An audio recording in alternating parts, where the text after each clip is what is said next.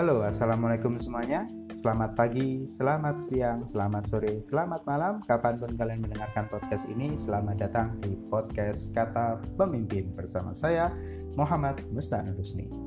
Pada episode kita kali ini cukup berbeda dengan episode-episode sebelumnya. Kalau di episode sebelumnya kan saya lebih banyak mengeluarkan opini dan sudut pandang saya terhadap beberapa aspek kehidupan ya. Sekarang uh, saya ingin mengisahkan sebuah cerita yang berjudul Bapak Ekonomi, Ibu Hukum, dan Saya Rakyat. Jadi di dalam kisah ini saya ingin menceritakan sebuah kisah keluarga di mana suatu ketika si bapak dan si ibu ini uh, bertemu dan akhirnya mereka memutuskan untuk membangun sebuah keluarga. Si bapak ini adalah eh, laki-laki uh, yang uh, berasal dari latar belakang pebisnis seperti itu. Keluarga si bapak ini mempunyai bisnis di bidang makanan properti dan lain sebagainya. Sedangkan si ibu ini adalah dari keluarga uh, pegawai negeri seperti itu Nah, suatu ketika akhirnya karena mereka memutuskan menikah, akhirnya menikah ini kan bukan hanya soal hubungan antara si bapak dan si ibu saja, tapi juga menjadi hubungan dari kedua keluarga besar seperti itu. Nah, masing-masing keluarga besar ini karena memang proses bertemu mereka itu bukan karena hubungan apa ya suka sama suka alias dijodohkan, akhirnya ada sebuah kesepakatan yang di diambil oleh kedua keluarga di antaranya ini bukan hanya soal uh, menikah tapi juga soal relasi antar kedua keluarga. Bagaimana nanti keluarga bapak bisa lebih mudah dalam menjalankan bisnisnya karena bekerja sama dengan keluarga ibu yang mempunyai latar belakang pegawai negeri seperti itu. Atau pejabat ya bisa dikatakan pejabat pemerintahan lah seperti akhirnya karena kesepakatan-kesepakatan itu pernikahan antara si bapak dan si ibu ini bukan hanya bisa disebut sebagai keluarga tapi bisa lebih mirip disebut sebagai sebuah prostitusi karena memang adanya sebuah apa ya istilahnya transaksi di dalamnya adanya sebuah kesepakatan karena uh, keluarga ini bukan hanya dibangun atas dasar cinta seperti itu Seiring berjalannya waktu, seperti biasa, bapak bekerja dan ibu ngurus rumah tangga dan akhirnya setelah dua tahun menikah, dikaruniailah seorang anak, yakni adalah saya, seperti itu. Nah, eh, bapak yang setiap hari bekerja menghasilkan uang untuk keluarga, menjalankan bisnis keluarga dan lain sebagainya, sedangkan ibu karena bapak sudah fokus untuk pekerjaannya, ibu lebih memilih untuk mengurus rumah tangga menata kehidupan keluarga, mengurus saya selaku anak dan lain sebagainya. Nah, karena e, ibu merasa memiliki tanggung jawab untuk mengelola keluarga ini, akhirnya ibu membuat beberapa peraturan-peraturan keluarga yang tidak boleh saya langgar dan harus saya lakukan seperti itu. Di antaranya adalah saya harus e, pulang tidak boleh melebihi uh, jam 5 sore saya harus mencuci tangan dan juga sebelum uh, mencuci tangan sebelum makan dan saya harus uh, mencuci tangan dan mencuci kaki sebelum tidur dan lain sebagainya dan banyak sekali peraturan-peraturan untuk uh, menata kehidupan di dalam keluarga saya seperti itu. Nah, suatu ketika Bapak di dalam bisnisnya mendapatkan hasil yang uh, menguntungkan dan lebih dari biasanya ya istilahnya bisa dikatakan uh, proyek-proyeknya itu goal seperti itu akhirnya bapak mendapatkan rezeki lebih.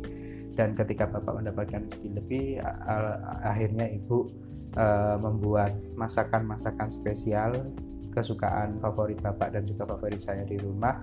Tak lupa bapak juga memberikan uang saku tambahan agar uh, saya lebih semangat dalam belajar seperti itu. Dan akhirnya bisnis bapak berjalan terus kehidupan keluarga kami berjalan tanpa ada kendala sama sekali hingga sampai suatu saat akhirnya bapak jatuh sakit dan akhirnya bapak bisnis bapak akhirnya bangkrut.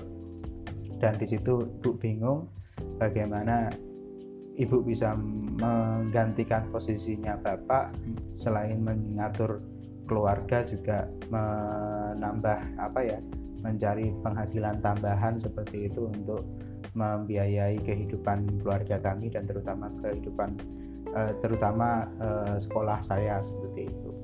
Akhirnya seiring berjalannya waktu ibu dengan dengan upayanya uh, bisa menafkahi keluarga kami. Namun akhirnya saya harus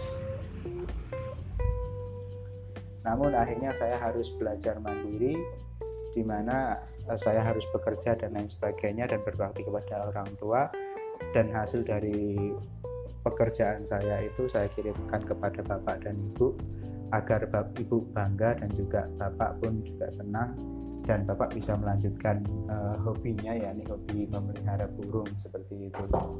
Nah, uh, akhirnya saya menggantikan posisi bapak untuk bekerja dan juga posisi ibu untuk bekerja.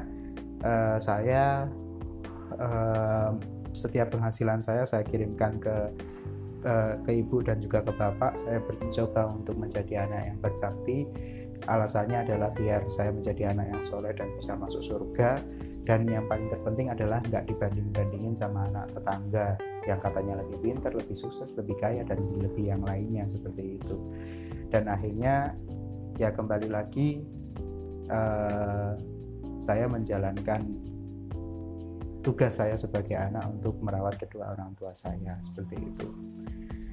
Jadi kalau dilihat dari kisahnya antara keluarga saya dengan keluarga pada umumnya nggak ada bedanya.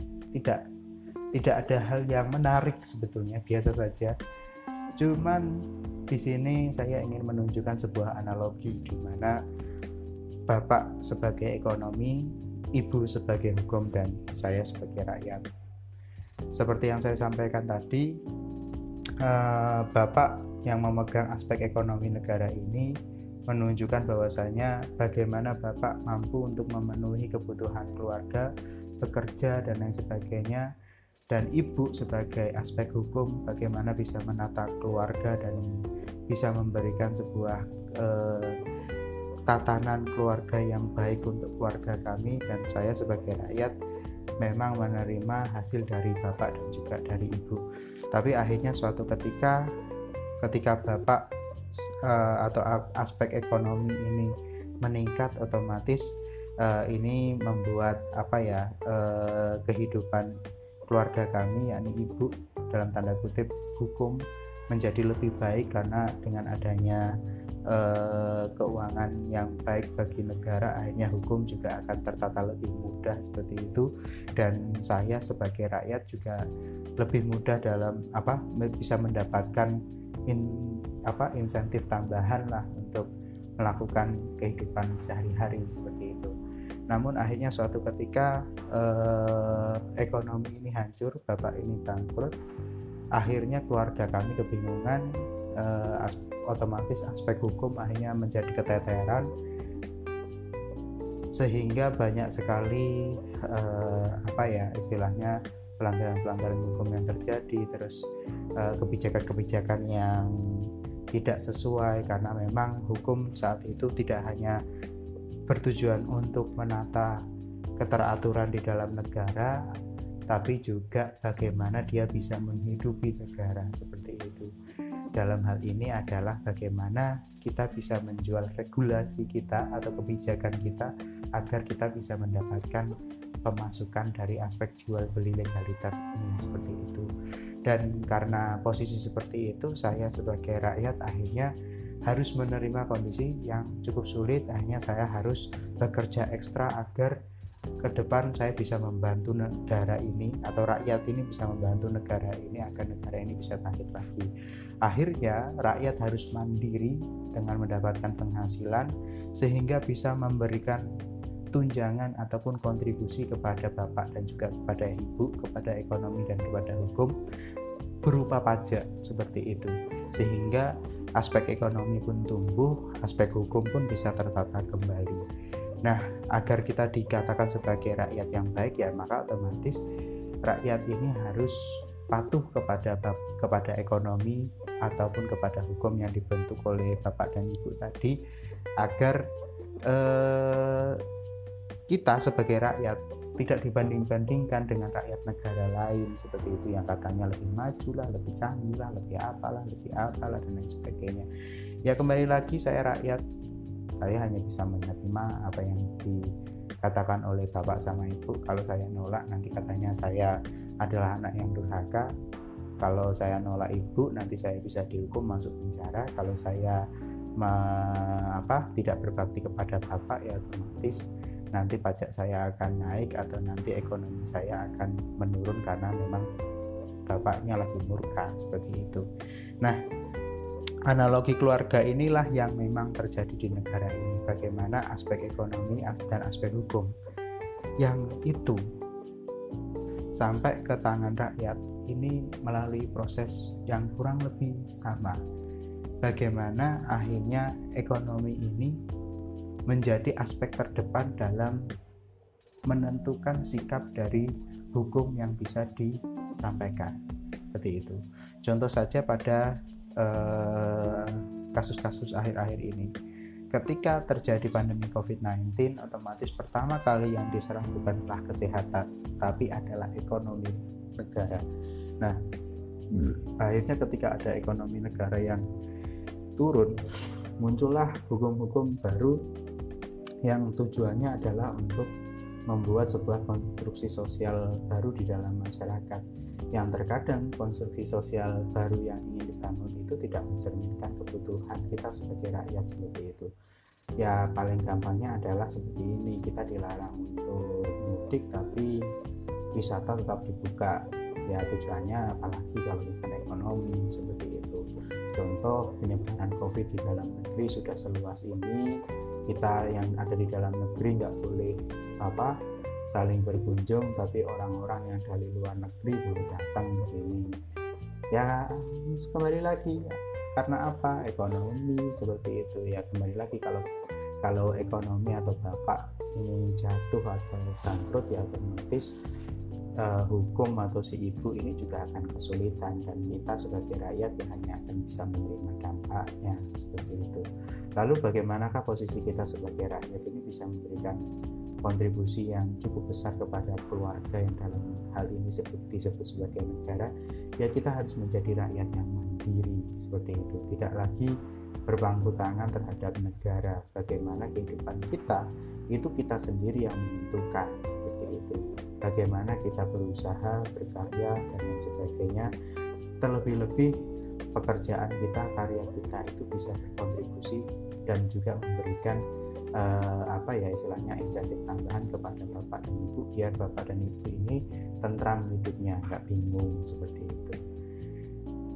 Ya semoga saja kisah ini bisa ditangkap dengan baik ya agar kita bisa saling mengingatkan tentang posisi kita baik itu entah apakah kita sekarang berada pada posisi ekonomi atau kita berada pada posisi hukum atau kita justru berada pada posisi rakyat.